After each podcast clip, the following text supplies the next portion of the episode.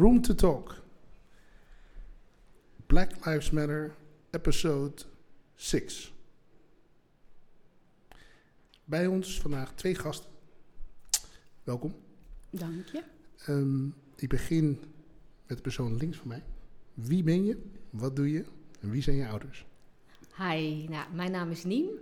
Uh, ik ben creatief strateeg en ik heb een agency samen met twee andere partners. Uh, al jaren werkzaam in marketing en branding.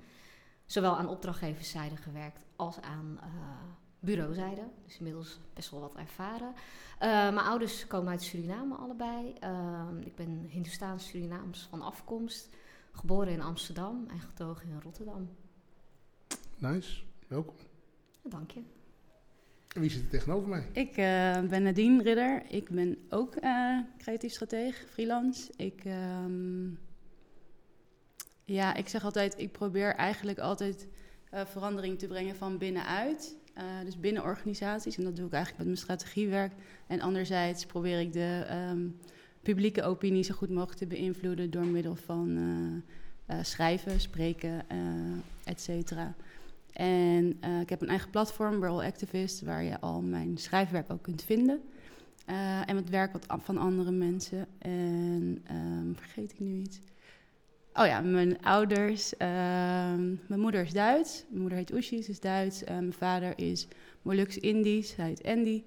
En ik ben geboren in het Brabantse Oosterhout en woon al heel lang in Amsterdam. Nou, ook welkom. Dank je. 35 dagen na de moord op George Floyd. Um, hoe is jullie huidige leven ingericht? Um, ja, het is um, heel emotioneel, vind ik het. ik vind het een hele interessante tijd. Ik vind het echt een hele waardevolle tijd, omdat ik echt uh, uh, ja, voor het eerst echt voel dat er aan allerlei heel veel ogen open gaan. En dat gebeurt wel met heel veel um, discomfort en heel veel weerstand en heel veel um, ja, moeite ook wel. Um, en er komt bij heel veel mensen dus heel veel weggestopt, weggestopte pijn ook naar boven. En dat, uh, ja, dat komt allemaal samen in deze tijd. Dus dat is uh, super bijzonder. en het geeft, vind ik, gewoon heel veel, mogelijkheid, uh, heel veel mogelijkheden om nu dingen echt anders te gaan doen. En, dus ik, ik ben wel hoopvol. Dus, dus, een streep in het zand, ergens, opnieuw.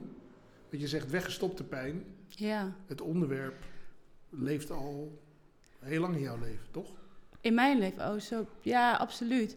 Nee, oh, ik, sorry, ik, ik heb het echt over de maatschappij, de ja. weg, mijn, mijn pijn. Uh, nee, de, kijk, mijn, mijn eigen, uh, ik, ik voel persoonlijk dat ik heel erg gedreven word door uh, de pijn die ik heb vanuit, die, ik vanuit die ik voel vanuit het koloniale verleden wat in Indonesië ligt, omdat mijn geschiedenis daar ligt. Maar dat ben ik een aantal jaar geleden al persoonlijk aangegaan. Dus daar heb ik al naar gekeken waar dat vandaan komt. En dat zit heel erg op het schaamtestuk. Dus uh, heel veel schaamte in de Indische cultuur. En uh, ik snapte dat nooit zo goed, van waar, waar schamen we ons nou eigenlijk precies voor? Ja. Um, en uh, ja, toen, toen ben ik echt gaan graven en gaan kijken. Mijn opa was een knielmilitair en een hele trotse militair ook. Vooral heel erg um, ja, aanhanger ook van het Koninkrijk der Nederlanden. En ja, die natuurlijk naar zo'n, na zo'n hele heftige oorlog toch wel achterkwam uh, dat het uh, nou ja, meer dan uh, voor niets was geweest. Dat het eigenlijk nooit had mogen gebeuren. En ik voel heel erg dat dat een schaamte is die wij als tweede generatie eigenlijk met ons meedragen. En dat is ook wat jou wat extra perspectief geeft dan? Nou, er zit een heel groot stuk. kijk, ik, ik word heel erg gedreven door onrechtvaardigheid. En in, in dit verhaal uh, uh, zit, ja, het zit vol van, van, van ja. onrechtvaardig. Ja, het is op geen enkele manier terecht. En nog steeds ook niet. En het zijn gewoon, ja, het zijn die dingen. hij heeft ook drie jaar in, in, gevangenschap geleefd. In Nagasaki heeft hij de, de atoombom ook overleefd. Zijn salaris is bijvoorbeeld nooit uitbetaald door de Nederlandse overheid. En dat zijn wel dingen ja, dat, dat, daar heeft hij het altijd wel heel erg moeilijk mee gehad. Dat dat, uh, dat, dat respect eigenlijk, of dat fatsoen eigenlijk niet eens ooit is opgebracht. En ze zijn natuurlijk nu aan het kijken om de, de paar mensen die nog over zijn eh, te compenseren. Maar mijn opa was 94 toen hij overleed. Dus ik bedoel, dat is nu al een aantal jaar geleden. Er zullen er nog een handjevol zijn. Dus dat vind ik echt, uh, ja, onrechtvaardiger krijg je het, krijg je het bijna niet. Nee. Dus. Ja. Extreem, extreme pijn komt eruit. Voel ik. Zie ik enorm. Wat drijft jou? Nu? Ja, ik denk dat er een, een, stukje ontlading heeft plaatsgevonden. Ik denk dat er wel uh, in de afgelopen zeker tien jaar, nou, ik denk vanuit mijn jeugd al hoor, is heel langzaam dat gevoel gegroeid. Ik kom eigenlijk uit een uh, uh, ja, achtergrond waarin er vooral werd gezegd: pas je aan, doe wat je gevraagd wordt. we moeten al blij zijn dat we ja, hier een leven kunnen opbouwen. En dat klopte eigenlijk vanaf jongs af aan voor mij niet helemaal. Ik had al zoiets van ja. En je voelde eigenlijk dat de dingen niet klopten, maar er werd eigenlijk niet echt over gesproken.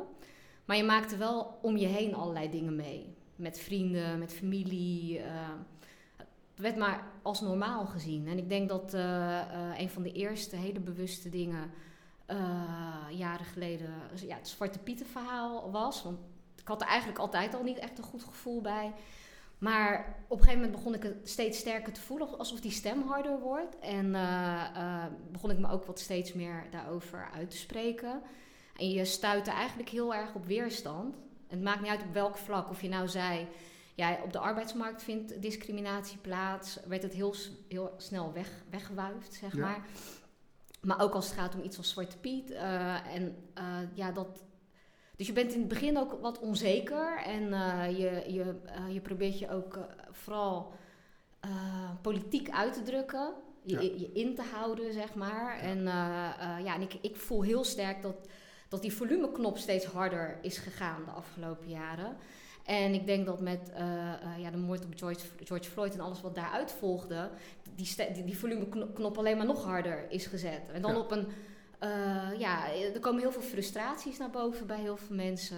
Uh, ja, ik voel heel sterk dat, je wel bij, dat het heel veel in beweging brengt. Zowel bij de uh, ja, gekleurde groepen in Nederland als inderdaad ook bij de, ja, bij de, bij de, bij de witte mensen. Ja, en, en, en meer dan ooit misschien zijn we het samen aan het bekijken en niet alleen maar vanuit één, één hoek. Ja, kijk, wat, bij, wat mij betreft is dat echt een grote verandering als je kijkt naar de eerdere protesten. Uh, waarom er nu wel daadwerkelijk iets gebeurt. Uh, ik denk heel erg omdat je ziet dat uh, de, de antiracisme-strijd niet meer alleen maar voor mensen van kleur is, maar dat, dat witte mensen ook nu echt ook actief meedoen. Dus een hele grote groep witte mensen heeft natuurlijk altijd gezegd van ik discrimineer niet. Dus het is mijn probleem niet. Um, ik zie het niet, ik voel het niet. Lekker uh, makkelijk. Uh, ja, en daar zie je nu een belangrijke shift. En omdat, um, ik geloof heel erg omdat nog steeds um, ja, toch de macht hè, voor, voor het grote deel uh, bij de witte mannen ligt. dat als je daar een soort van beweging ziet, opstand ziet, dat dat ineens veel meer draagvlak krijgt dan, dan voorheen. En dat is tegelijkertijd ook weer pijnlijk, vind ik, om te zien. En aan de andere kant, ja. Als je het ziet, kun je er misschien wat mee doen.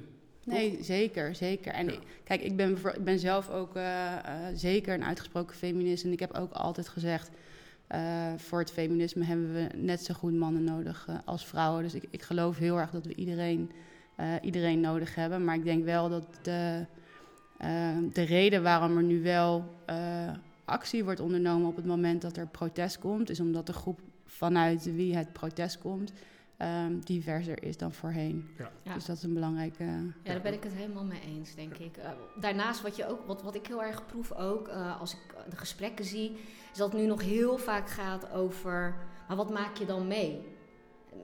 Je merkt heel erg dat er behoefte is aan, aan kennis van, uh, vanuit de, de, ja, de witte mensen. Van, maar wat maak je dan mee en hoe, maar eigenlijk, wat, wat ik heel erg voel, is dat ik dat al jaren probeer duidelijk te maken. En dat merk je ook, dat, dat merk je ook in de spanning en het sentiment terug. Ja. Men heeft heel erg het gevoel, er moet nu actie komen. Ja. En we kunnen wel door blijven praten de hele tijd over, ja, wat heb ik allemaal meegemaakt en wat erg. En ik wist niet dat het zo was. Dus je merkt, aan de ene kant merk ik dat ik eh, snap dat ik het geduld moet hebben. En eh, dat, men, dat men er ook niet voor open heeft gestaan. Hè? Want ook al zei je het wel, of werden die dingen benoemd, het werd heel snel van tafel geschoven. Ehm, aan de andere kant voelen, voel ik heel sterk van we moeten, we moeten nu naar de actiemodus. En Ja. de actiemodus houdt niet in, waar wij het net ook over hadden toevallig, eh, het diversiteitspotje. Of ja, we moeten een, een bepaald percentage gekleurde mensen binnen de organisatie krijgen. Het zit zoveel dieper dan dat. Ja. Eh, het begint echt bij de basis. Eh, en ik denk dat dat iets is wat dat besef moet nog, denk ik, indalen. Want dat, dat gaat inhouden dat er ook echt dingen moeten veranderen. Ja, maar, maar kunnen we die basis even aanraken? Want ik denk dat daar zit ook een stukje, ik veel, een stukje eh, eh, energieverlies. Is dat eh, als je keer op keer moet uitleggen waar het vandaan komt, dan kom je nooit tot het moment dat je zegt, oké, nu staan we hier en dit zijn de stappen die we gaan maken. Dus ik, ik, noem het dan een roadmap of zo in mijn hoofd. In, jouw in jouw beleving nu, wat is dan de ideale start van deze volgende fase? Ik denk de ideale stap is sowieso het, de erkenning. Ja. Hè? En dan de, de erkenning tot, op, tot, tot in het hart. Want de erkenning, ja, nee, het zijn problemen. En eh, eh, nou, je moet zeg maar naar een diepere laag, ook bij jezelf. En ook binnen, ja, als je het hebt bijvoorbeeld binnen organisaties en bedrijven. Hoe kan het eigenlijk dat het is zoals het is? Ja. En eh, dat heeft niet alleen te maken met bijvoorbeeld, laten we even het thema arbeidsmarktdiscriminatie nemen. Dat, wij, dat je als gekleurd persoon gewoon minder kans maakt op een baan. Dat als je een bepaalde achternaam hebt, dat je dan al niet wordt uitgenodigd. Of eh, als je, eh, dat het culturele element ook nog meespeelt. Want mensen zijn nu eenmaal geneigd om mensen aan te nemen die op hen lijken of waar ze zich in herkennen. Ja. En eh, zodra je als gekleurd persoon niet helemaal aangepast bent, hè, dan, dat, dat, dan val je al heel snel in de niet herkenbare groep. Wat, wat is niet aangepast dan? Wanneer ben je wel aangepast? Ja, ik vind dat, Je walk the walk, je talk the talk. ja, dat is gewoon. Als mensen tegen je zeggen, ehm, ja, jij, jij bent er niet zo één. Ja, nou ja, ja maar. Nee, ja, dat, Ja. Hoor, dat hoor je heel vaak van mensen. Of eh, wat goed dat je, weet je, al die dingen die mensen Ja. kan herkennen. Wat goed dat je geen accent hebt. Dat, dat betekent dus dat je een, ja, een deel. eh, Ja, dat je, dat- en, en dat zie je heel veel, vind ik, bij weet je, mensen die succesvol zijn eh, eh, eh, in, in een witte wereld. Dat zijn mensen die dus zich gedragen en eruit zien, en Ja. zich kleden en alles. Als, zoals witte mensen dat vaak dat fijn vinden. En dat zie je natuurlijk bij iedereen, iedere vorm die, die afwijkt van de norm. Net zoals mensen homoseksuelen prima vinden, maar niet te nichterig. Dus het is, het is heel Ja. erg vanuit één blik zo van zo vinden we het fijn. En het zijn van die kleine opmerkingen dat, dat mensen zeggen van... eh, ehm, eh, weet je, stel je zegt ik heb een... eh, ehm, eh, mijn vriendin is moslim. ehm, dan zegt, en, dan zegt iemand, en dan zegt iemand daarbij... maar ze heeft geen hoofddoek hoor. Weet je wel, zo, oh nee, maar dan is het goed, want ze heeft geen hoofddoek. Weet Ja. je wel? Dus altijd dat zinnetje erachter van... nee, maar Ja. ze is een van ons. En dat...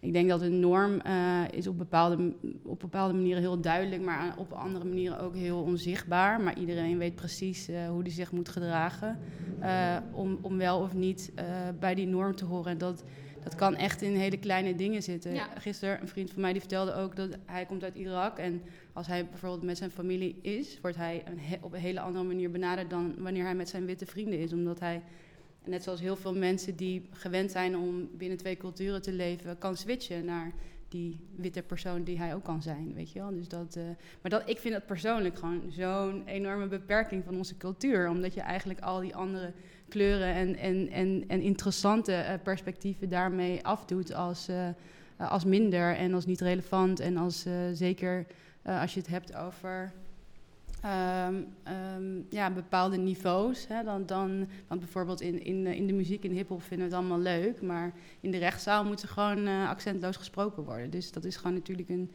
dubbele moraal, vind ik daarin. Ja. Ehm, maar ik denk, ik ben het heel erg met jou eens over naar jezelf leren kijken. Ik denk dat het beginpunt is dat naar jezelf leren kijken voor heel veel mensen iets is wat is, absoluut, is niet aan- eh, absoluut niet is aangeleerd. En als jij in een positie van privilege leeft, ehm, dan zie je je privilege niet. En dat is echt, daarom is het zo belangrijk dat je met andere mensen omgeeft dan de mensen die alleen maar op jou lijken. Want iedereen die, de meeste mensen, witte mensen die ik ken, die heel empathisch zijn en echt dingen begrijpen, die hebben altijd een verhaal. Weet je wel, dus bijvoorbeeld. Uh, iemand die ik ken, die, die had een uh, zwarte vrouw. Dus uh, hij was gewend om met haar kind uh, te zijn. En hij voelde heel erg in, die, in die samenstelling dat dat kind ge gediscrimineerd werd. Waardoor hij heel erg empathisch daar, daarvoor werd. En dat zie je ook bij, voor mij bijvoorbeeld persoonlijk. Ik heb zelf dus het privilege van een van een westerse achternaam. Dus ik heet Ridder, terwijl we eigenlijk uh, Rerimassi zouden moeten heten. Dus dat is onze Molukse achternaam. Maar nou ja, in het uh, koloniale Nederlands-Indië werd al heel erg duidelijk van... als je kan, neem dan de Nederlandse naam. Dus daarom heten wij nu Ridder. En op het moment dat ik solliciteer of opbel, zal ik altijd, heb ik nooit nagedacht over mijn naam. Want het was gewoon een naam die geaccepteerd werd. Totdat ik een vriendin kreeg met een Arabische achternaam. en het is echt gewoon toen ik 18, 19 was... En toen, als we dan gingen solliciteren, gewoon bellen naar, naar cafeetjes voor, voor een baan, dan zei zij al nooit haar achternaam. En dan vroeg ik aan haar, waarom zeg je je achternaam niet? En dan keek ze me ook echt zo aan van, oh. denk je nou echt dat ik mag langskomen? En toen dacht ik, ja, maar jij bent, oh ja, dit, ja, dit is het dus. En dat, dat soort momenten heeft iedereen nodig in zijn leven. Dus daarom is het zo belangrijk om je te omgeven met mensen die vanuit een ach andere achtergrond komen. Want dat, en tegelijkertijd moet je dus ook in staat zijn om die ander die ruimte te geven. En niet te zeggen van wat je heel vaak hoort, of het nou in vriendengroep is of op bedrijven, van ja, jij mag wel bij ons.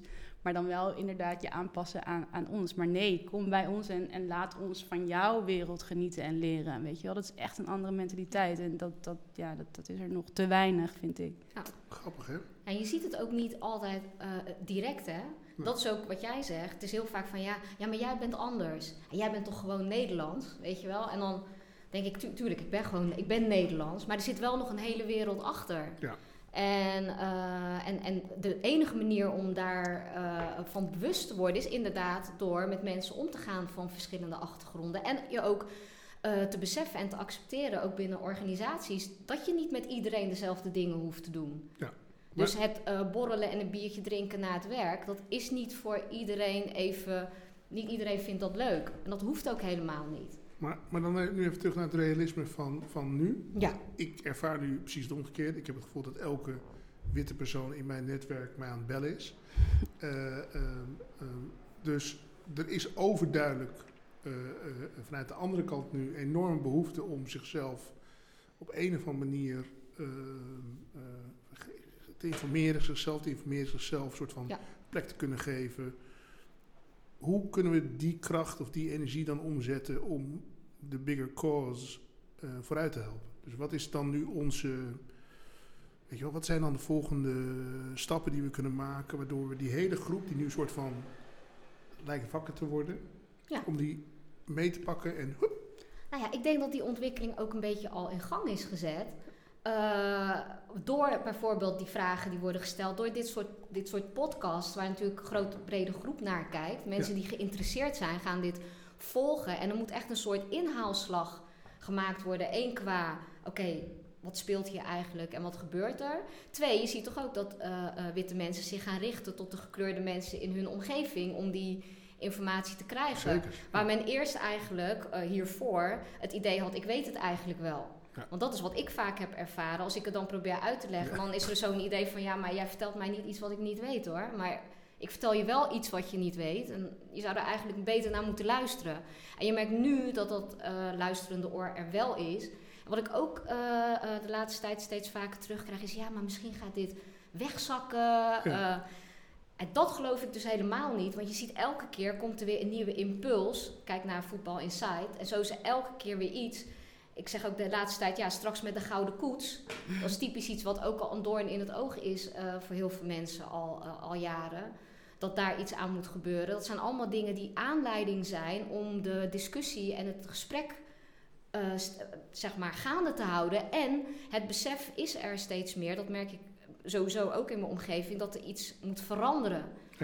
Eh, binnen bedrijven, maar ook hoe je, na- hoe je naar bepaalde zaken kijkt. Eh, bijvoorbeeld, het valt ook witte mensen op dat er in bepaalde dat er in, op telev- bij televisieprogramma's voornamelijk witte mensen zitten. Terwijl eerst was dat niet iets, dat was iets waar ik vooral bewust van was. Ja. En eh, eh, ook hoe, hoe eh, eh, gekleurde mensen in reclames geportretteerd worden. Dat is natuurlijk ook zoiets wat voor mij al heel lang een issue is. Waar je, waar je naar kijkt en waar je mee bezig bent en waar je je mening over hebt. En je ziet vaak reclames langskomen dat je echt naar daar zit te kijken van... Oké, dit klopt niet. Dit zou in het werkelijke leven nooit zo gaan of zo gebeuren. Ja. En ik, ik denk wel dat er een, een ontwikkeling in gang is gezet nu. Dus ik- Ja, ik, ik las het VEA-verslag. Ja. dus de, overduidelijk, ik bedoel, dat is, dat is redelijk recent is dat eh, eh, live gegooid. Dus dat zat al ergens in een pen. Eh, misschien is het een beetje gefast-tracked vanwege, vanwege 25 mei. Heb je hem gelezen? Nee. ja, ik wel. Ik heb er ook nog eh, ja, op LinkedIn op gereageerd. En? Want er was één zin die, die ook mijn aandacht eh, kreeg. En Emilio Haan eh, had, had die zin ook gezien. En dat was dat, dat, degene- dat men zich niet bewust was dat, het, dat er Oh, een ja. probleem was. Ja, ik heb Ja. het even. En ik las die zin en ik, eh, ik legde die ook voor aan mijn zakelijke partner van... Oké, dit, dat, dit zegt ook weer iets. Als iemand met een diverse achtergrond of iemand met kennis van diversiteit die zin had gezien voor publicatie... dan was die zin eruit gehaald of anders omschreven. Ehm, dus ja, ik, ik, dat, dat, zegt, dat zegt alles. Want dat zegt eigenlijk wederom dat het wel bekend was. Want er zijn al meerdere artikelen eh, eh, verschenen de afgelopen jaren over diversiteit in, in reclame. Eh, er wo- er- ste- vaak reageren mensen ook hè, op, op posts op, op social ads of op pagina's van ja, culturele groepen worden reclames gewoon gedeeld en gaat iedereen daarop reageren. Dus, maar er was geen sense of urgency om daar naar te luisteren of daar wat mee te doen. Nee. En, nee ja. En, en omdat de VEA het nu doet, die hebben een soort van stature. Maar Dus- sorry, wat is precies de? Want ik mis, ja, ik Nou, lees, dit, lees soort dingen niet eens meer, want ik neem het gewoon absoluut niet serieus. Ja. Nee, Ze hebben onderzoek gedaan naar eh, alle commercials in 2019. Er waren er 400 of zo. En eh, ze hebben gekeken hoe het daar zat met representatie van onze samenleving in die, in die commercials. En dat bleek uiteraard niet te voldoen aan de realiteit. Lo- Los even van, van, van, want dan wil ik wel van je weten waarom jij dat niet meer, dat niet meer leest. Ik vind het interessant omdat mijn, mijn gedachte is, strategisch gezien, dat als de witte mannen die op de plek zitten waar ze nu eenmaal zitten, als die aan worden gezet om hier hun vingers naar te kunnen wijzen, in andere woorden, de spotlight groter te kunnen maken, dan denk ik dat we daar niet van weg moeten lopen, omdat voordat we er zijn dat het hele setje om is, zijn we weer vijf jaar verder. Dus voordat we met z'n allen een hele hoop, hoe zou ik het zeggen, misgunde energie niet kunnen inzetten voor onze eigen kracht, denk ik, oké, nou als de VA dan hiermee naar buiten komt, let's go. Want ze hebben in ieder geval het, de positie om iets te kunnen zeggen als het gaat over reclame in Nederland. Ja, maar hoe divers zijn ze zelf? Nee, maar dat, dat, is, dat is dus de, dat is denk ik het stukje waar we eh, eh, eh, mee moeten. Daarom vroeg ik wel eens de roadmap. Daar moeten we mee dealen op een of andere manier. Is dat niet van de ene dag op de andere dag opgegooid? Nee, maar Moet- kijk, moet- voor, voor, kijk, voor mij zit het ook op een heel ander, eh, op een ander stuk. Want ehm, kijk, je, je moet goed begrijpen dat witte mannen die op positie van macht zitten nu, ehm, die moeten iets gaan inleveren. Ja. En dat willen ze niet. En dat is iets waar, waar- waardoor ik denk van, eh, er gebeurt heel veel window dressing, er gebeurt heel veel poppenkast. Mensen zeggen, ik vind het heel belangrijk. Eh, maar er zijn maar weinig mensen die echt bereid zijn om een offer te maken. En als jij iedereen die in de, in de movement zit, die echt eh, aan de frontlinie staat, ehm, die maken offers. Het zijn mensen die jaar in, jaar uit daar al staan, die gewoon door politiegeweld ook in Nederland in nekklemmen zijn gezet en, en, en fysiek aangevallen.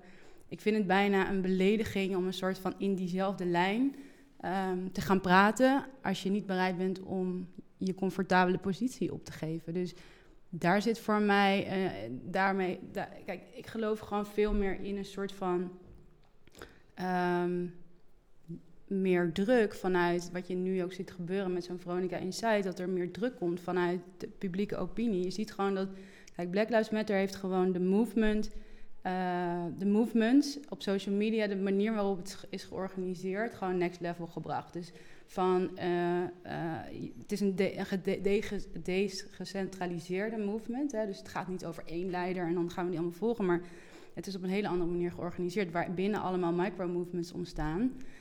En je ziet dat die micro-movements allemaal gaan samenwerken nu. En dat is mega krachtig. En je ziet dus dat waar voorheen uh, dit soort opmerkingen, uh, want er is natuurlijk veel eerder al protest geweest tegen, tegen programma's Veronica Insight.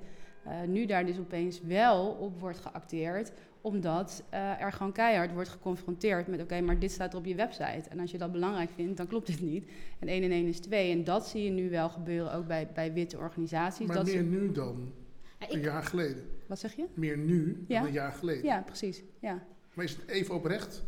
oprecht. Vanuit, vanuit, nee, het, gaat, het heeft niks met oprechtheid te maken. Het heeft te maken met de realiteit, waarin je dus gewoon op het moment dat jij uh, naar buiten stapt met dit is mijn. kijk, op, omdat iedereen uh, zwarte vlakken ging posten, uh, was natuurlijk de logische vraag, de volgende vraag: oké, leuk dat je support, maar wat doe je dan?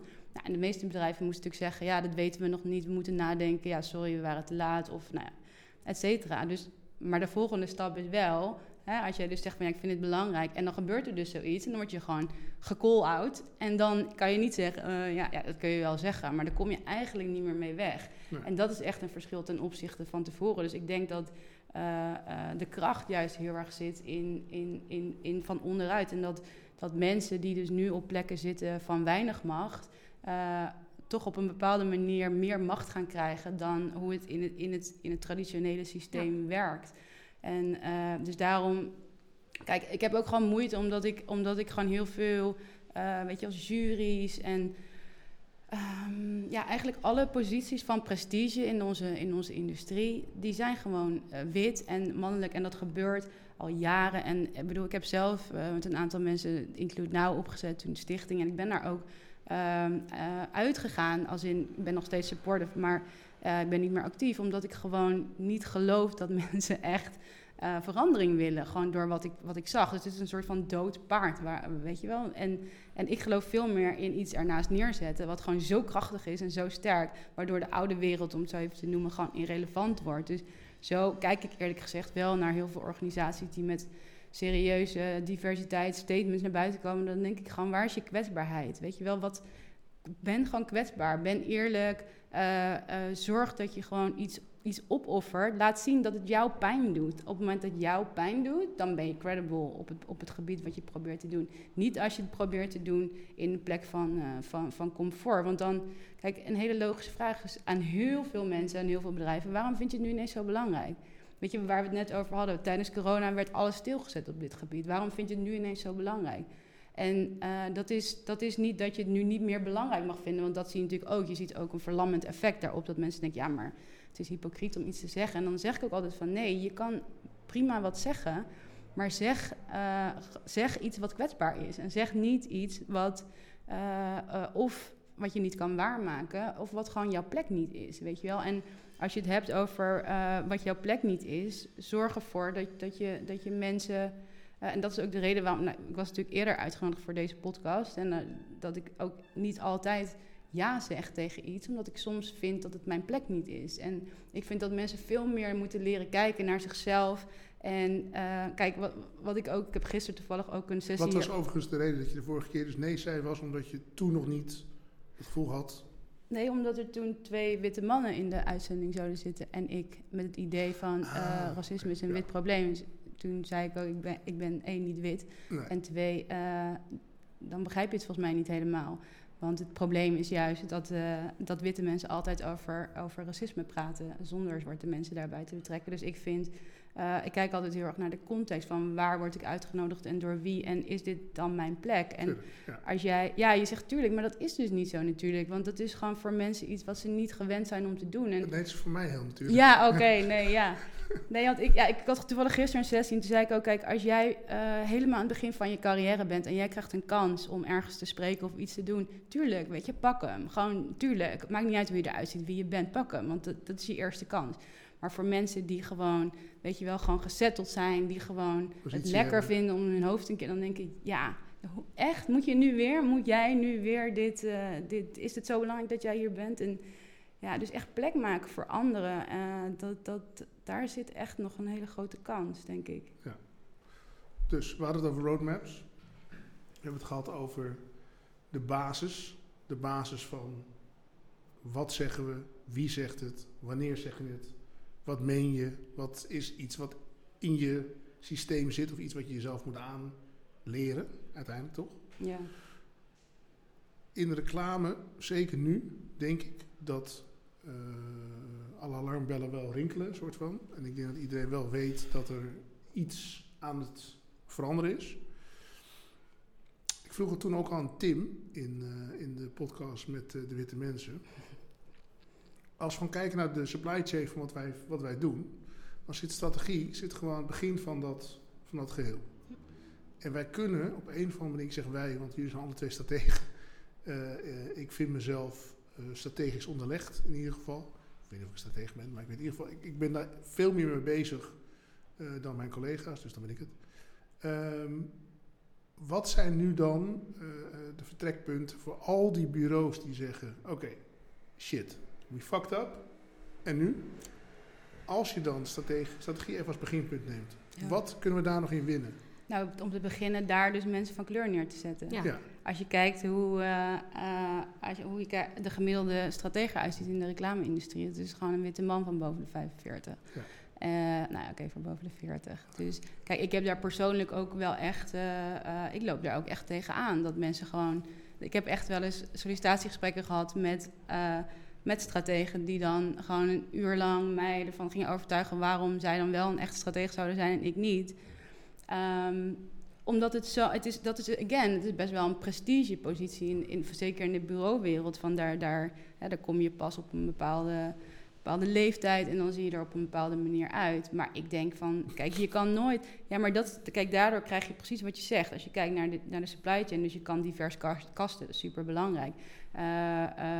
maar op het moment dat je eh, eh, je beginpunt eh, niet, niet vanuit een ander perspectief is dan steeds dezelfde, kom je steeds bij dezelfde eh, thema's door, door die, wat we dan de white male gaze noemen. Iets wat dus totaal niet aanspreekt voor, voor andere mensen dan die Van witte dat, man. Dat, dat groepje. Ja, en dat zie, je, dat zie je gewoon op zoveel niveaus, zie je dat dan verkeerd gaan. Dan zeggen mensen, Hé, hoe kan het nou? Het heeft toch een divers eh, bureau gemaakt. Dat gaat nog verder. Want Je hebt bijvoorbeeld die, ik weet niet of je dat ooit hebt gezien, maar je hebt zo de, de Coca-Cola commercial over de Ramadan. Ja. Eh, dus er was ooit een westerse versie voor gemaakt om dan de, eh, aan westerse mensen uit te leggen hoe de Ramadan werkt. Nou goed, dat was dan een soort ja, ik vond het echt tenenkrommend. Een film geworden waarbij dus een wit meisje echt de held was... die dan dat, dat eh, eh, moslimmeisje ging helpen met, aan een colaatje. En nou ja, goed.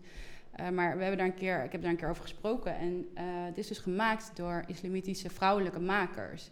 Ehm, dus, dus zij hadden heel erg zoiets van, ja, maar dit hebben. En toen zei ik ook van, maar wie... eh, hoe zijn ze aangestuurd? Hoe zijn ze gebriefd? Ja. Wat voor feedback geef je? Als jij een briefing maakt van dit moet eh, eh, voor de westerse. Wereld werken, volgens deze normen en waarden. precies, dan Ja. maken we deze spot. Maar als je Ja. dan kijkt, ze hebben ook een spot in Turkije die dus gewoon de Ramadan laat zien. En dan zie je gewoon hoe het echt, ge- echt ge, ervaren wordt en gevierd wordt. Ehm, maar dan bestaat er dus een soort idee van.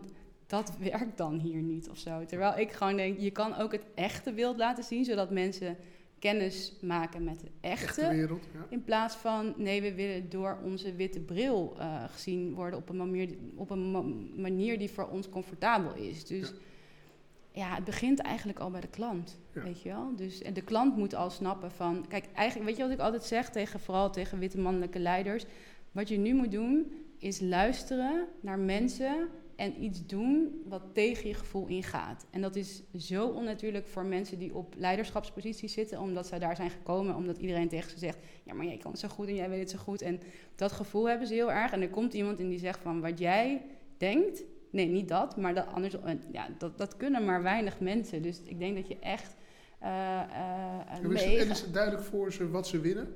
Is het duidelijk, als je dat tegen ze zegt, heb je dan een beat en kan je dan zeggen, en dit is wat je eruit gaat halen als je dat goed, als je, als je dat pad goed loopt, dan is dit je, want ik bedoel, Ja, maar, Dus iedereen wil ja, maar maken. again, ik ben ook iemand die iets zegt waar zij, waar, wat zij niet geloven. Dus nee, zij denken gewoon, ja, ja, eh, misschien geloven ze het wel theoretisch, maar ze voelen het niet. Nee. ze- en ze vertrouwen heel erg op van alles wat ze hebben gedaan om op die plek te komen, is op hun eigen gevoel. En het eigen gevoel is dat gevoel vanuit die witte privilege positie. Eh, eh, dus, dus, dus dat draaien is gewoon heel moeilijk. En je ziet gewoon dat er een soort van. En kan je ze een handreiking geven dan? Of kun je een, kun je een, een- heb je cases uit je eigen eh, eh, portfolio van je zegt van kijk, dit is, dit is hoe... dit- want- meestal is dat voorbeeld een soort van makkelijkste manier. Ja, maar ik om- denk dat je gewoon moet leren om dingen uit handen te geven. Ja, ja. Het draait allemaal om dingen uit handen geven. Je kan, het is geen kunstje wat je kan leren. Of je voelt het of je voelt het niet. En als je het niet voelt, moet je het uit handen geven. Precies. En dat is waar jij het ook over hebt. Dat, dat gaat over een stukje macht weggeven. En macht weggeven is iets wat men heel moeilijk vindt. En ook ik geloof dat het buiten het systeem gaat komen. Dat zie je nu ook al. Ja. Dat hele voetbal inside gebeuren, dat is veranderd omdat er een eh, druk vanuit buiten kwam. En, eh, eh, en, en ik, heb daar nog wel, ik heb daar nog wel een side me- mening van. Hè? Want voetbal Insight, die jongens zijn slimmer dan wij denken. ja, En die hebben gewoon de hele week gedacht, oké, hoe gaan we dit... hoe kunnen we eh, deze nou ja. zo plaatsen dat we Ja. 1,7 miljoen kijkers maandag hebben en Eens. 2,3 Ja. na de vakantie. Toch? Ja, nou, dat, die gedachte is bij mij ook opgekomen, inderdaad. Maar ja, nee, dat is natuurlijk. Je gaat, je gaat dan toch. Je zit natuurlijk op. de- je bent als die, als die aap op die rots. Ja. Je, je overziet het en je denkt: hoe kan ik hier weer misbruik van maken? kan je Dus dit weer omdraaien voor ja, mijn eigen... dat, ja, want daar. En kijk, en dat, dat punt. Hoe kan ik dit weer gebruiken voor mijn eigen gewin? Hoe kan ik er voor mij het beste uithalen? Eh, hoe kan ik hogerop komen? Hoe kan ik weer een presti- weer, eh, ja, dat, dat, dat fenomeen speelt op dat niveau. En hoe kan je dan iets authentieks doen? Want eh, diversiteit en inclusiviteit, dat heeft allemaal met authenticiteit te maken. Als je dat echt goed wil doorvoeren. Ja. Dus ik denk dat, dat je een stukje weg moet gaan geven. Dat is de, dat is de enige eh, eh, optie. Manier. Openstaan voor. Want de neiging die men ook heeft, en dat zie je ook bij heel dat gebeuren van de VEA, kom er nog even op terug. Daar is er een actieplan gemaakt. Nou, ik zit echt met opgetrokken wenkbrauwen te kijken naar de, naar de, naar de actiepunten. Want het klinkt allemaal heel geweldig. Maar de vraag die ik heb is, hoe, hoe ga je dat doen? Ja. Want als je het, eh, als de witte mensen die al al die jaren het op hun eigen manier, eh, met, op basis van onderzoeken, want dat is wat er vaak gebeurt. We hebben onderzoeken gedaan en er zijn een aantal uitkomsten uitgekomen en die gaan we dan, eh, eh, dat gaan we dan invoeren bij bureaus. Ja, dat klinkt voor mij weer als, er gaat niks gebeuren. Of het in, in, in woord gebeurt er wat en... ja, en ook als het gaat om diversiteitspercentages binnen bedrijven. Ja, wat mij altijd is opgevallen, en ik ben afgestudeerd in 1998, is hoe wit het overal boven een bepaald niveau is. Ja. Want in junior posities en in de postkamer en op de IT-afdeling zie je nog wel eh, eh, gekleurde eh, mensen. Maar hoe hoger je komt, hoe minder divers het is.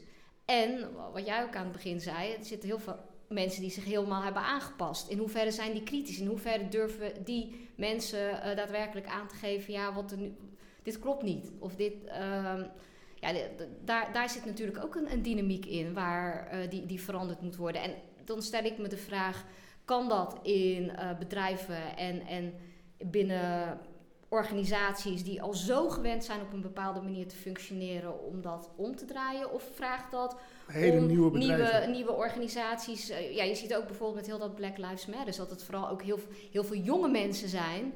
Die, eh, eh, die veel genuanceerder eh, en, en, en veel opener kijken naar het thema inclusiviteit en diversiteit. Ja, Dus- en die, dat, ik vind het wel een goed punt, want die, ehm, het is, voor mij is het ook echt een soort generation unapologetic, weet je, wat je gewoon ziet gebeuren. Is, het is, kijk, voor mij is het heel natuurlijk, ik ben iemand die altijd heel uitgesproken is geweest. Ehm, maar ik, ik voel ook wel vaak dat ik, in, eh, dat ik alleen sta daarin, maakt niet uit, maar ehm, nu zie je gewoon een generatie die gewoon Ja. allemaal gewoon... Er wordt gewoon teruggepraat. En mensen zeggen ook heel vaak van... ja, je mag niks meer zeggen en geen grapje mag. En dan zeg ik ook altijd... ja, je mag alles zeggen. Alleen, er wordt nu teruggepraat. En, eh, en, en, en dat wordt lastig gevonden, weet je wel. Dus in plaats van defensief te reageren of uit te gaan leggen... eh, wie je allemaal kent van kleur of eh, weet ik veel... met wat voor reactie mensen komen... is gewoon zeggen, nou, dankjewel voor deze waardevolle feedback. Ik ga er naar kijken. Weet je, en dat, eh, eh, ja, dat vinden mensen nog spannend. Dat is nog nieuw, maar... En nog heel even over jouw authenticiteit, wat je zegt over authenticiteit. Dat vind ik ook super interessant, omdat authenticiteit ook echt zo'n woord is wat al Ja, jaren in de industrie soort van eh, rond zweeft. Ja, zingt. En eh, niemand wist echt wat het was. En nu vind ik dat je gaat zien wat, wat authentiek is. Omdat je ziet ook al een hele tijd dat er steeds meer films ook ehm, worden gemaakt met echte mensen. En dat gaat vaak over, het zijn vaak films die dus zich afspelen in andere culturele eh, context dan de Nederlandse. Eh, omdat ze dus heel erg merkten van als we dat op een, op een, op een manier doen waarbij we dus eh, vanuit die witte gaze dit creëren, is het ongeloofwaardig. Dus ineens werden er gewoon echt mensen van straat gehaald. En eh, bijvoorbeeld bij, bij, volgens mij was bij Prins de film, die, die gewoon de hoofdrolspeler gewoon nog nooit had geacteerd. En zo geloofwaardig dat deed. Maar ook op toneel zie je het steeds meer, weet je wel. Dus dat eh, is wat mij betreft ook de volgende eh, ehm, stap, ook in, in, in de reclame. eh, is, en dan niet alleen mee acteren, maar ook mee schrijven, weet je wel. Dus gewoon mee schrijven, want dan krijg je gewoon een taal die je zelf niet beheerst. En dat vraagt dus ook weer op een hele andere aanpak dan hier is het script en... ja, dit is het castingbureau en deze mensen hebben, weet je wel, maar nee, juist gewoon op straat sourcen en gewoon zeggen: wil je ons samen ons verhaal maken? Ja. Ja, dat is interessant. En dan, als je ze eh, toelaat en je laat ze de eh, eh, toevoeging doen, dan moet het ook nog dat publiek wat buiten die bubbel heen leeft, ook nog aanspreken. Ja, zeker. En dan, maar dan krijg je dus ook weer dat bijvoorbeeld een regisseur kan zeggen: van ja, ja ik, ik vind het niet klinken of weet je, dit is niks. En, en, en ook again, die moet weer luisteren van. Als iemand zegt, ja, maar dit zeggen we zo op straat, ja, dan moet je dat maar geloven, weet je wel. En, en, en makers die dat durven, ja, Ja. die gaan, die maken nieuwe dingen. En dat vind ik echt gek om te zien. En, en hetzelfde geldt over authenticiteit. Je ziet natuurlijk ook de hele influencer-industrie nu gewoon met een soort van mega lastige positie van ja, wat ga ik nou doen? Omdat eh, deze materie is gewoon niet iets wat je. Want de meeste dingetjes die voorbij komen, wat, wat gewoon trend zijn of dingen die dan iedereen oppakt. Eh, ja, die kan je gewoon eventjes inlezen en dan snap je het een beetje en heb je het erover. Maar dit is zo'n iets wat, waar, waarin je gewoon jaren eh, eh, je, hebt, ja, je echt oprecht in hebt moeten verdiepen om dingen te begrijpen, om dingen te kunnen zeggen die ergens op slaan. En dat gaat niet, weet je wel, met deze thematiek. Dus, dus, dus dan wordt het heel lastig. En daarmee zie je ook gewoon een soort van... eh, dat heel veel mensen ineens heel irrelevant worden... omdat ze gewoon niet kunnen meepraten op dit gebied. En eh, eh, als je dan er dus voor kiest van... nou, dan doe ik maar gewoon wat ik eerst deed... dat iedereen denkt van... ja, maar we leven nu in een hele andere wereld. Dat, dat kan weet je, het is helemaal niet... Nee. Dat, dat gebeurde, dat, dat, dat was al ingezet hoor, wat mij betreft met, eh, met corona. Eh, Hoe bedoel je dat? Was al ingezet met corona? nou ja, omdat het gewoon da- daardoor heel erg zichtbaar was dat alles wat er gebeurde op dat gebied ging over overconsumptie. Van nog meer kopen, nog meer reizen, nog meer. Ja. Weet je wel, dat, dat kon allemaal niet. Of ineens was dat gewoon not done anymore. Ja, wat ga je dan doen? Een beetje vertellen over hoe je je verveelt of zo, weet je wel. Ja. Dus het gaat veel meer, en dat, dit, dit, dit, dit heb ik echt al langer het idee van, het gaat steeds meer naar mensen die gewoon inhoudelijk eh, toegevoegde waarde hebben. Omdat mensen gewoon steeds meer ook willen leren over dingen die ertoe doen, die belangrijk zijn. Eh, eh, en, en daar eh, eh, ja, voldoening uit halen en niet meer alleen gewoon oppervlakkige. Ja. eh, en, en daarin zie je ook gewoon dat we hopelijk gewoon meer van een, eh, ehm, ja, van een consumenten-mindset, gewoon meer naar, naar mensen gaan die, eh, ehm, ja, die, die andere dingen belangrijk vinden in het leven. Ik geloof in het principe critical mass, omdat ik denk dat ehm, we alleen dan tot een soort verandering, verandering komen. Niet alleen maar een soort verandering die je kan typeren in de tijd. Ik denk niet dat iemand ooit 2020 vergeet, maar stel nou dat ze over vijf jaar denken, wat hebben we toen ook alweer gedaan, dan zal dit moment niet vergeten zijn. Maar ik denk nog steeds dat er een groep is die op dit moment eh, nog meer, weet ik veel, tot ons kunnen halen. En ik ben gewoon benieuwd hoe jullie dat zien ten opzichte van, eh, weet ik veel, we gaan binnenkort weer richting Zwarte Piet. Dus we hebben nog een paar maanden om soort van het vuur brandende te houden. Wat zijn nou iconische dingen die we kunnen eh, aanwijzen die in de volgende maanden belangrijk zijn voor mensen om kennis op te halen? Ja, wat ik net al zei, ik denk dat wij, eh, wij zitten in een stroom en wij gaan mee in die stroom. En er kom- komt elke keer een nieuwe impuls. Ja. En die impuls die, die komt er gewoon. Ja. Ehm, dus daar hoeven we. Ik, ik voel heel sterk dat dat zo blijft. Dus na de aanloop, laten we zeggen, van Zwarte Piet, is de, is de Gouden Koets al geweest. Ja. En daarvoor gaat er ongetwijfeld, gaat er ongetwijfeld wat gebeuren. Want het geïnstitutionaliseerde eh, racisme, dat is gewoon wat er, wat er is. Ja. Dus als de Belastingdienst, eh, als dat nu had gespeeld, met dat etnisch profileren, Ja. dan had dat gelijk een soort bom gelegd weer onder, de maats- onder deze eh, energie. Ja. En had, had het weer allerlei nieuwe dingen opgeleverd. Dus er gebeuren namelijk de hele tijd dingen. Dat was ook voor George Floyd het geval. Het verschil was alleen dat het toen nog niet. Eh, dat toen kennelijk het vuur nog niet was aangestoken. Het smulde al. Er werd over gesproken. We hadden, we hadden, eh, het speelde al wel. Want ja, ik voel heel sterk ook voor mezelf, als ik kijk naar hoe ik de afgelopen jaren hiermee bezig ben geweest, dat ik ook steeds uitgesprokener ben geworden. En als ik jouw verhaal hoor, ik ben niet altijd vanaf het begin zo uitgesproken geweest. Eh, ik heb dat eigenlijk in de afgelopen jaren, is dat van, als vanzelf, is dat veel meer ontstaan. Eh, want ik, ik, ik heb juist vroeger heel vaak gedacht dat het aan mij lag. Als ik dan weer ergens afgewezen werd, als Ja. ik met, met, met, met strategen om tafel zat en ze namen me niet serieus, dan liep ik daar weg en dan dacht ik, ja, misschien ben ik niet goed genoeg of zo. Ik, ik, ik heb heel erg daarin een eigen weg moeten vinden en moeten ontdekken dat er hele andere krachten eh, spelen. En, eh, en, en dat heeft, heeft mij gebracht tot waar ik nu ben. Dus ik denk zelf dat waar we, waar we nu staan en waar we nu mee bezig zijn en alles wat er nu gebeurt, dat volgt zich op een heel rap tempo op. Ja. Als je nu kijkt naar die eh, nieuwe campagne Stop Hate for Profit. eh, ja, dat gaat ook hierover. Dat gaat over dat grote bedrijven hun eh, Facebook-advertenties stopzetten in juli. Unilever heeft gezegd dat ze eh, het hele jaar doen. Ja, dat zijn wel dingen die, die, die weer op stapel Om staan. Facebook, om Facebook te dwingen dat Ja. ze eh, eh, een stand nemen ten opzichte van haat, ten opzichte van white supremacy. Toch? Dat Ja, is de reden. Ja, ja, ook omdat zij gewoon daar totaal niet goed in regisseren en, en, en het eigenlijk stimuleren. Ja, nou ja, het, in ieder geval, het in ieder geval heel makkelijk maken om het te laten gebeuren. Ja. Nou ja, kijk, dat, dat is al iets wat eigenlijk eh, er, er nu alweer aankomt. Ik voel zelf juist, het volgt elkaar zo snel op. Ja. Dat eh, ehm, ja, dingen zijn echt in beweging. En de tijd van nu is minder demonstraties lopen, eh, eh, ehm, toch? De Nou, tijd van nu is online discussie voeren. Nou, de Nee, de- demonstraties zijn... eh, ja, die blijft hoor. Die zijn Ja, juist... ik, ik ben opgegroeid in de jaren 80. Hè. Ik heb denk ik 90 demonstraties gelopen in mijn leven. Ja. Ik heb dat nog niet gezien. Nee, maar ik bedoel, er zijn nu gewoon vanaf, vanaf de demonstratie op de Dam... zijn er gewoon nog steeds door het hele land Dat zijn die demonstraties. En zelfs op plekken eh, zoals Venlo... Wat, wat volgens mij... eh, eh, Shout-out naar de Tahutu-familie in Venlo, zeker.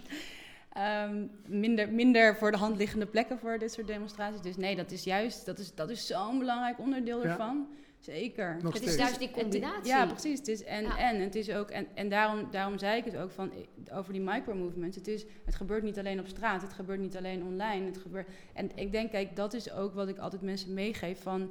ehm, want mensen kijken, kijk, mensen die zelf niet zo goed weten nog wat ze moeten doen of zo, die gaan dan heel erg naar anderen kijken. En die kijken dan bijvoorbeeld naar eh, mensen die vooruitlopen in de movement, naar een Jerry. En die denken dan, ja, maar ik ben niet, eh, ik ben niet zo iemand die zo'n demonstratie gaat.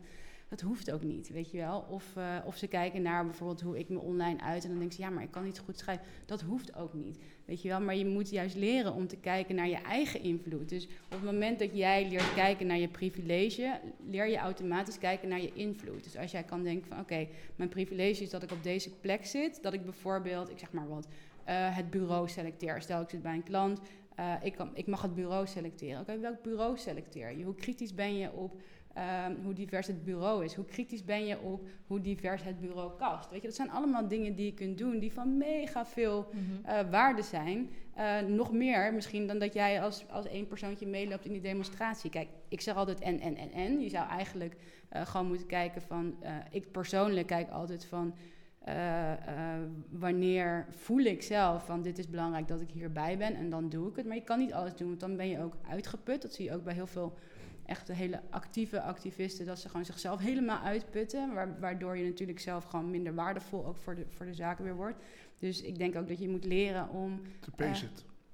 ja, om gewoon je eigen manier te vinden, weet je wel? Om gewoon iets te vinden wat bij je past. En dat kan, dat kan dus zijn dat je, dat je je uitspreekt tegen je ouders. Of dat kan zijn dat je je baas ergens op aanspreekt. Of dat kan uh, zijn dat je in, in de winkel, als iemand een grapje maakt, dat je daar iets van zegt, weet je wel? En dat... Het zit op zoveel lagen van invloed dat het gewoon. Uh, uh, kijk, want het gevaar is natuurlijk. Hè, dan zegt iedereen ja, maar nu is protesteren is een soort van hipster ding geworden waar iedereen leuk bijloopt met een biertje en een leuk bord en dat op Insta zet. Wel afleiding is, hè, als mensen dat zeggen. Nee, maar mensen zoeken altijd een smoes om iets te ontkrachten van iets wat werkelijk gebeurt. Dus prima dat ze daar lopen.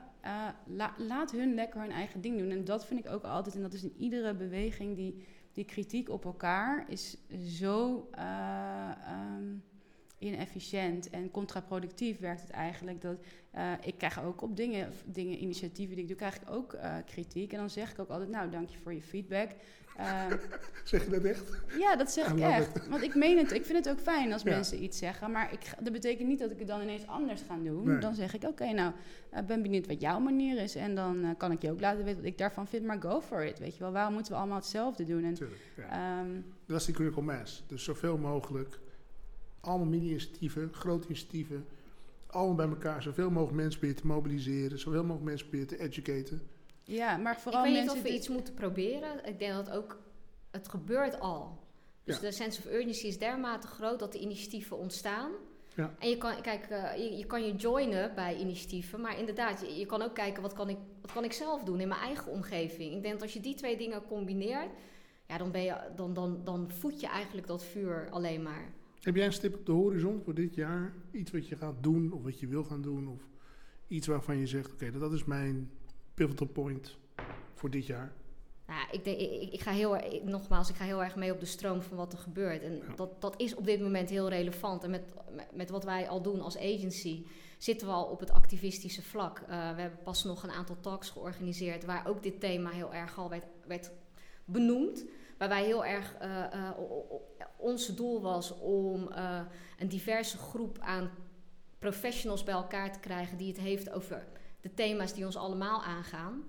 Omdat wij vinden dat er voor jonge mensen weinig gekleurde rolmodellen te zien zijn.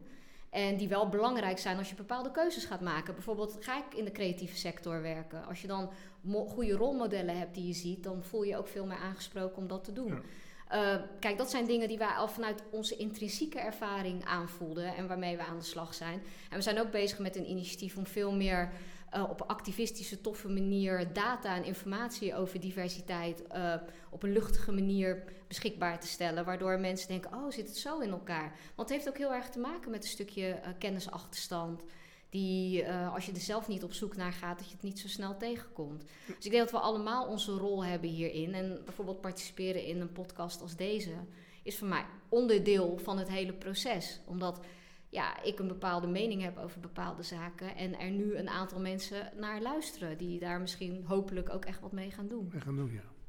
Ja, Nadine? Uh, ik wil heel graag de politiek beïnvloeden. Ja.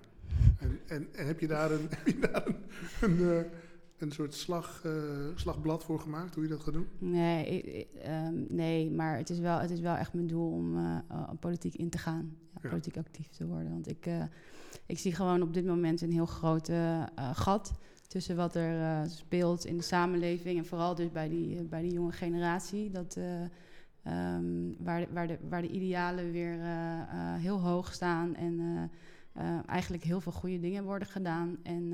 Um, ja, die aansluiting bij de politiek die wordt niet gevonden. Dus ik heb het gevoel dat de politiek gewoon nog doorgaat met... Uh, ja, ik weet niet waar, waar we tien jaar geleden ongeveer uh, waren. Ja. Dus um, ik denk dat het tijd wordt voor uh, wat nieuwe perspectieven... en wat nieuw geluid in de politiek. Dus ik hoop dat, ja, dat er ook ruimte voor gemaakt wordt. En, ehm, ik ja. hoop met je mee. Ik hoop het ook, Nadine. Dit is wel iets wat ik, wat ik heel erg toejuich. ik bedoel, ja, je, bedoel ik, ik kijk ook naar de politiek en ja, ik, ik we moeten gaan stemmen weer. Ja. En je zit wel te kijken van oké, okay, wat ga ik doen? Ja. Want het is vrij ingewikkeld eigenlijk, omdat ja. je gewoon heel weinig herkent.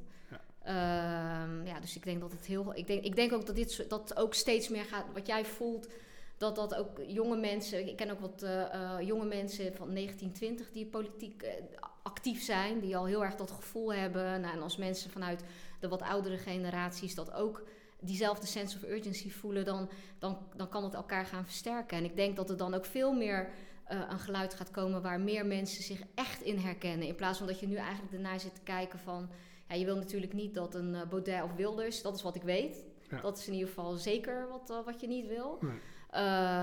maar als je kijkt naar de, wat er over is, ja, dan zie je bij alle partijen zie je wel dat je denkt van, ja, weten jullie, weten jullie eigenlijk wel wat er exact in de samenleving speelt, en gaande is? Dus, Nadine, dan ga je jaren investeren op die politieke route. Toch? En daar ga ik nu geen uitspraak over doen. Nou ja, in ieder geval, in ieder geval ga je... Hey, ik ben me aan het oriënteren. Ja, maar in ieder geval ga je de volgende fase van je, uh, van je leven, van je carrière in. Um, zijn er dan onderwerpen uh, niet dat ik een, een, eh, een partij uh, weet het.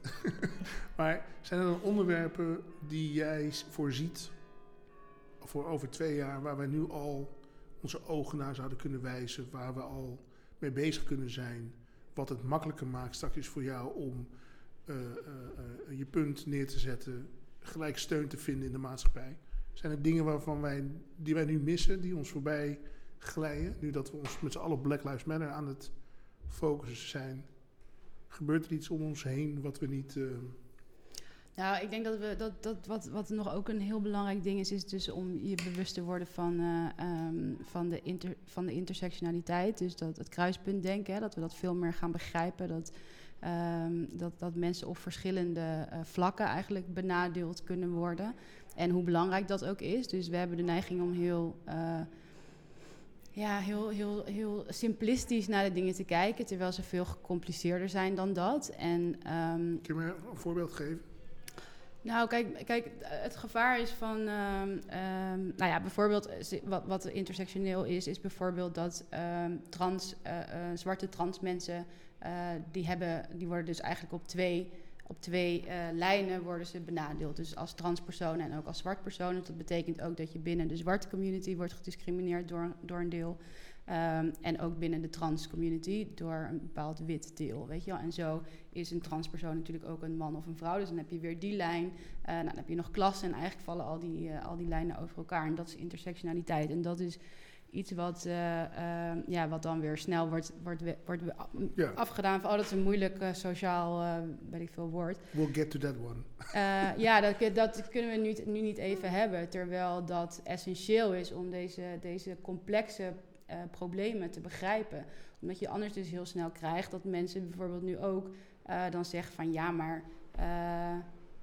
Ik kom uh, ook uit uh, een dorp en dat is ook anders dan de stad. Dus ik word ook gediscrimineerd. Ja, dat, dat klopt. En dat moet, ja, maar daar, ja. daar mag ook plek voor zijn. Alleen je moet je bewust zijn van de, de verschillende gradaties en ook de, de verschillende niveaus van wat het betekent om gediscrimineerd te worden. Dus bijvoorbeeld, ehm, ik voel me op sommige gebieden gediscrimineerd, maar ik ben me heel erg bewust van mijn privileges. En dat komt omdat ik weet dat uh, bijvoorbeeld, nou, ik noem altijd als voorbeeld politiegeweld. Als ik een politiewagen zie, voel daar niks bij. Geen, uh, geen angst of geen, uh, misschien, nee, totaal niet. maar ik weet dat het voor jonge zwarte mannen, vooral in Nederland, echt anders is. Weet je wel? En dat weet ik omdat zij mij dat vertellen en ik daarnaar luister en ik dat serieus neem. dus iedere keer nu als ik een politiewagen zie, voel ik ook dat. Weet je, dan neem ik ook dat mee. Van, hè, dus um, het is gewoon super belangrijk om je bewust te zijn van die verschillende uh, vormen en die verschillende gradaties van, uh, van, van discriminatie en wat dat dan ook voor effect heeft. En ook uh, dat mensen dus ook zelfs binnen één persoon, en want dan zeggen mensen, ja, maar ik ken iemand en die, of zij zeggen het zelf, hè, zwarte mensen zeggen ook zelf vaak van, nou, ik voel me niet gediscrimineerd. Um, dus dat is dan heel lastig, want dan gaat iemand anders er weer mee vandoor. Zo van, ja, maar zij voelt zich niet gediscrimineerd, dus volgens mij valt het wel mee hoor, weet je wel. Um, dus dan is het weer heel belangrijk om je ook weer bewust te zijn van in hoeverre is iemand dan, uh, uh, eigenlijk waar we het eerder ook al over hadden, helemaal binnen die witte norm heeft zich aangepast. Maar ook bijvoorbeeld, wat ik altijd zeg, hoe aantrekkelijk is iemand? Weet je wel, als je als aantrekkelijke, super aantrekkelijke zwarte vrouw, is echt weer iets anders dan als een hele onaantrekkelijke zwarte man, bijvoorbeeld. Ja, weet je wel? Dus, ja. En tegelijk, en ook voor mij dan, als ik, als ik dat zou hebben gezegd denk ik dat het ook komt omdat ik me dan eventjes veilig kan voelen. Uh, uh, en me niet de positie hoef in te nemen ten opzichte van het gesprek. Snap je? Dus ik vind het ingewikkeld dat het gesprek eigenlijk altijd over mij gaat dan, Mhm. toch? Ik, ik kan, ik, het is niks wat ik kan zeggen, waardoor je heel eventjes naar rechts kijkt. Nee, je kijkt naar mij, want hoezo? Voel jij, heb jij gediscrimineerd gevoeld dan? Ja, maar het is niet iets waar ik mijn hele leven mee bezig wil zijn. Dus ik kies er gewoon nu Precies, voor ja. om dat niet zo te ervaren. Ja. Dan zeg ik dus nee, I'm oké. En dan zegt ze, zie je?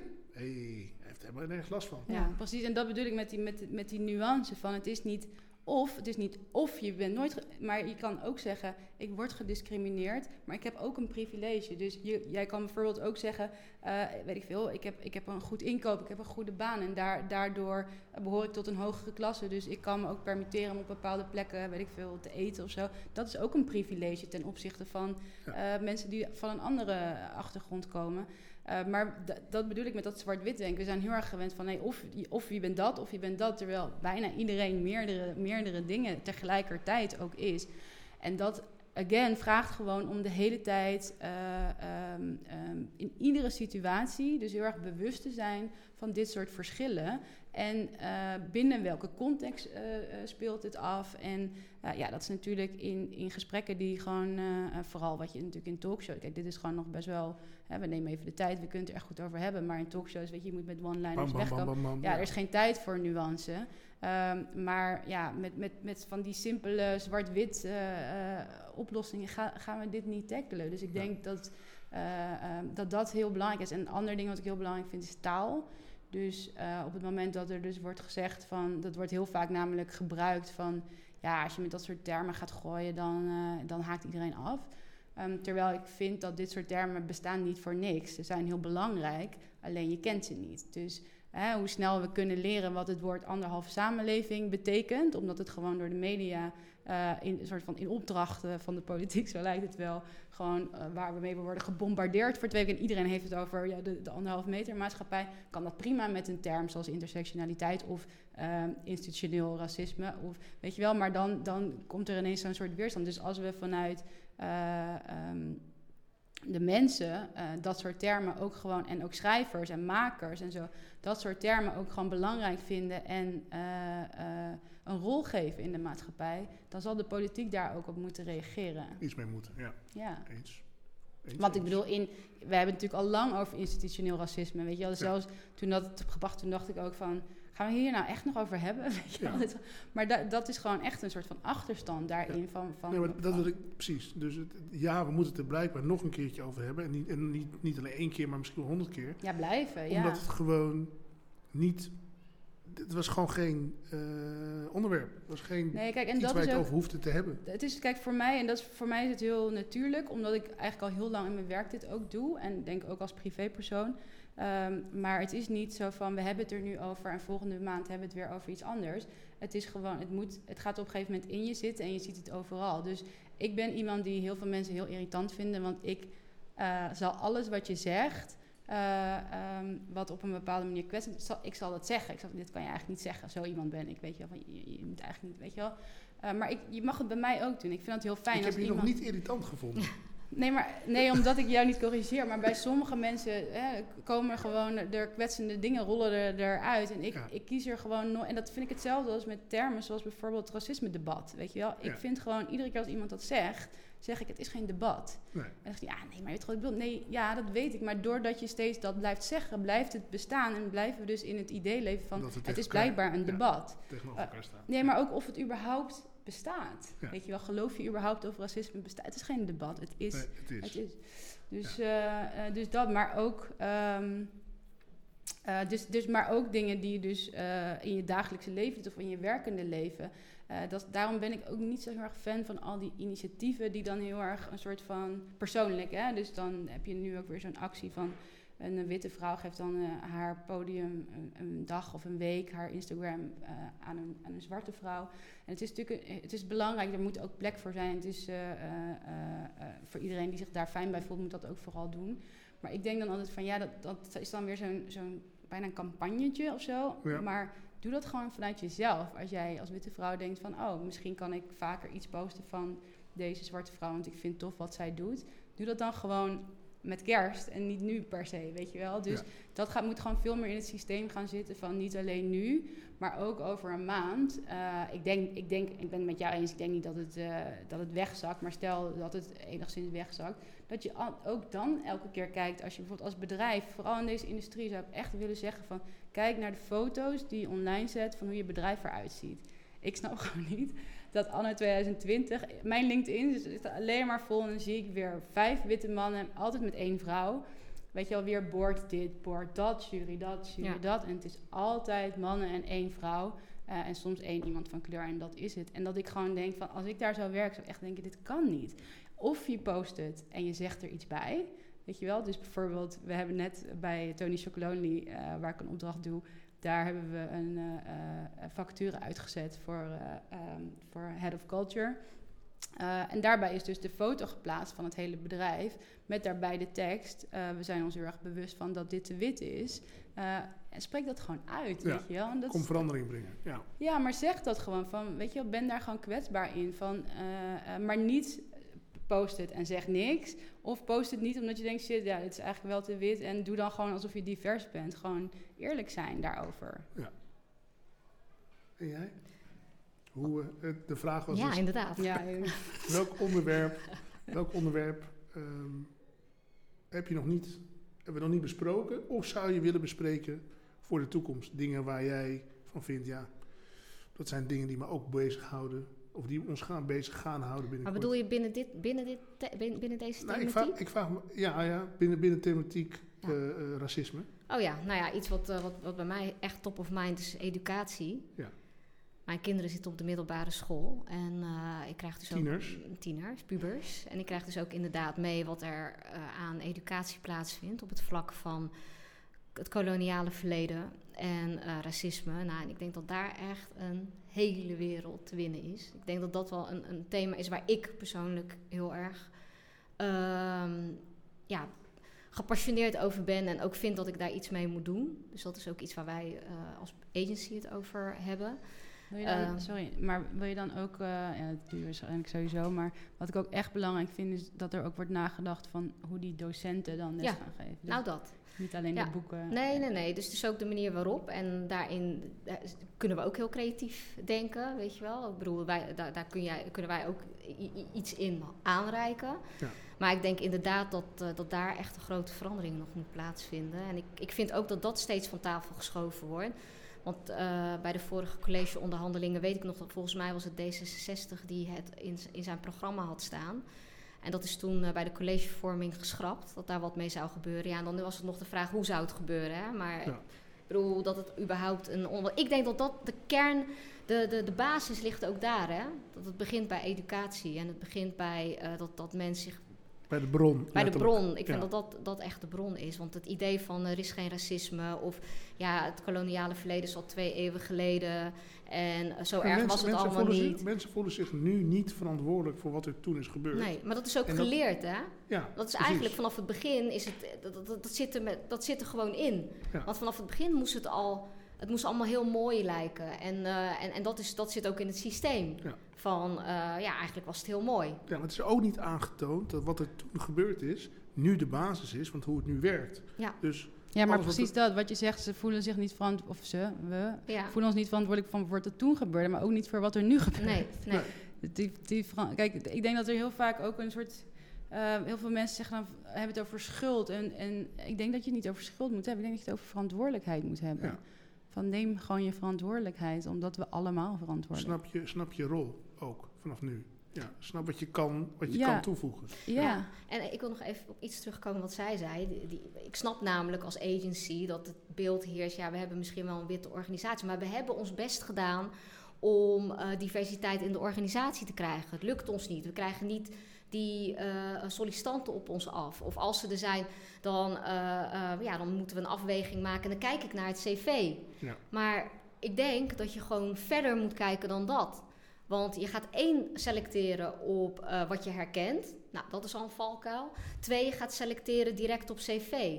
En je moet je voorstellen, voor heel veel migranten, eerste, tweede generatie... Wij hebben geen ouders gehad met een netwerk. Met een oom of een tante die bij Unilever werkt of bij Coca-Cola. Of, eh, je, je, je moet eigenlijk vanaf scratch af aan bouw je dat zelf op. En je cv ziet er dan vaak ook net wat anders uit. Maar dat wil niet zeggen dat je daardoor gedisqual- gedisqualificeerd bent. Nee, Dat zegt niks over je de inhoud. Nee. Inderdaad. En, en ja, een punt wat jij natuurlijk ook aanreikt, is het fenomeen eh, aantrekkelijk, niet aantrekkelijk, vrouw, man. Dat speelt ook nog eens mee in, in heel de dynamiek. Ja. Waardoor je eigenlijk. Eh, eh, ik vind dat je niet makkelijk weg kan komen. En dat wil ik ook in deze podcast expres benadrukt hebben. Ja, we hebben ons best gedaan en we, we proberen het wel. Nee, je, je, je, je maakt een, een aantal significante weeffouten waarschijnlijk. Waardoor het niet gebeurt. Maar Want je er zijn. moet, maar je moet het doen, punt. Ja, je moet, je, moet, je moet inderdaad gewoon naar jezelf gaan kijken en kritisch zijn en bedenken: hey, heb, heb ik dat gedaan of doe Ja. ik dat? Hoe kan ik daar wat aan doen eh, om, om, om hier een verandering in, in weeg te brengen? I love it, man. Fight. Fight for it. Yes. Yes, yes. Dank jullie beiden. Ja, jij bedankt. Jij ook Zeer enerverend eh, gesprek. Eh, ik denk voor velen ook een, eh, een verademing om eh, de grond te voelen eh, en niet alleen de oppervlakte. Dus dank u zeer. Thanks. Thanks.